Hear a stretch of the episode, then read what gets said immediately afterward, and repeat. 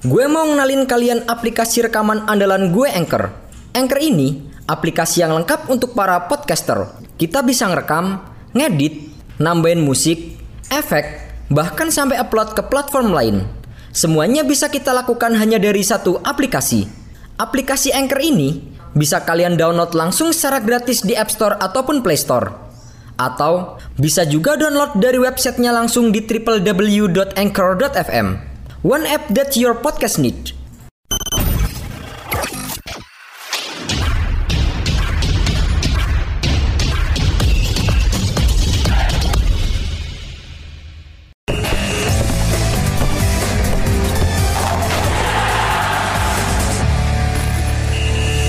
Invasi militer yang dilakukan tentara Rusia ke wilayah Ukraina masih terus berlangsung hingga saat ini. Akibatnya, ribuan nyawa menjadi korban dan bangunan-bangunan pun hancur akibat perang yang tak kunjung reda. Bahkan, Kini ketegangan antara Rusia dan Ukraina telah menyebar ke berbagai sektor dan mempengaruhi perekonomian dunia. Masyarakat dunia mengecam aksi invasi yang dilakukan oleh Vladimir Putin negara Ukraina. Namun, dari banyaknya perselisihan yang melibatkan kedua negara, ada sebuah kisah unik yang datang dari dunia sepak bola. Kisah persahabatan antar kedua negara Rusia dan Ukraina ada dalam klub sepak bola Italia Atalanta. Mereka adalah Ruslan Malinovsky yang berasal dari Ukraina dan rekannya Alexei Miranchuk yang berpaspor Rusia. Sebagai klub yang dibela oleh kedua pemain, Atalanta selalu waspada untuk menjaga keharmonisan hubungan para pemainnya. Terlebih lagi, perang antara Rusia dan Ukraina saat ini terus memakan korban jiwa. Sebagai upaya untuk menjaga persahabatan antara Malinovsky dan Alexei Miranchuk, Atalanta membentangkan sebuah bendera perdamaian yang terletak di luar tempat latihan. Dalam bendera tersebut, melukiskan Malinovsky dan Alexei Miranchuk yang saling berjabat tangan dengan latar belakang bendera masing-masing negara. Jelas Malinovsky masih memiliki keluarga dan teman di sana. Kami juga dekat dengan Miranchuk. Sungguh persahabatan yang luar biasa yang mereka miliki. Miranchuk merasa hampir malu dengan situasi tersebut tersebut. Orang-orang lebih penting daripada bendera dan perbatasan.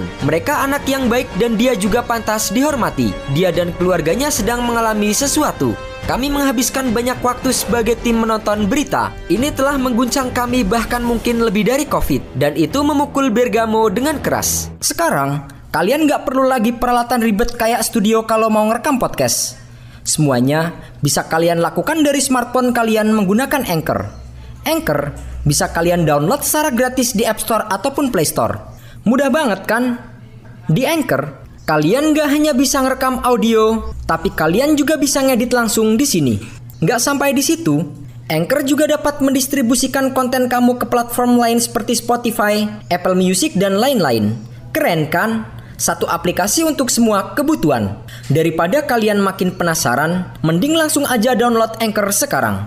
Oh iya, Anchor ini gratis loh. Malinovsky yang tampil sebagai starter saat Atalanta menjamu Bayer Leverkusen di babak 16 besar Liga Eropa berhasil menyumbang satu gol dalam kemenangan 3-2 timnya atas wakil Jerman. Sedangkan Miranchuk baru diturunkan sebagai pemain pengganti di babak kedua oleh pelatih Gasperini menggantikan Luis Muriel. Di pertandingan yang berlangsung pada Jumat 11 Maret 2022 kemarin, Atalanta harus tertinggal lebih dulu lewat gol yang dicetak oleh Charles Aranguis di menit ke-11. Tuan rumah baru bisa menyamakan kedudukan saat laga memasuki menit kedua-tiga. Memanfaatkan umpan Luis Muriel, Malinovsky yang berdiri bebas di depan gawang Leverkusen berhasil mencetak gol penyama kedudukan untuk Atalanta. Striker 28 tahun itu kemudian merayakan golnya dengan melepas ban hitam yang ada di lengan dan menciumnya sambil menunjuk ke langit. Setelah kedudukan kembali imbang, Atalanta berhasil melakukan comeback dengan sumbangan dua gol yang dicetak oleh Luis Muriel.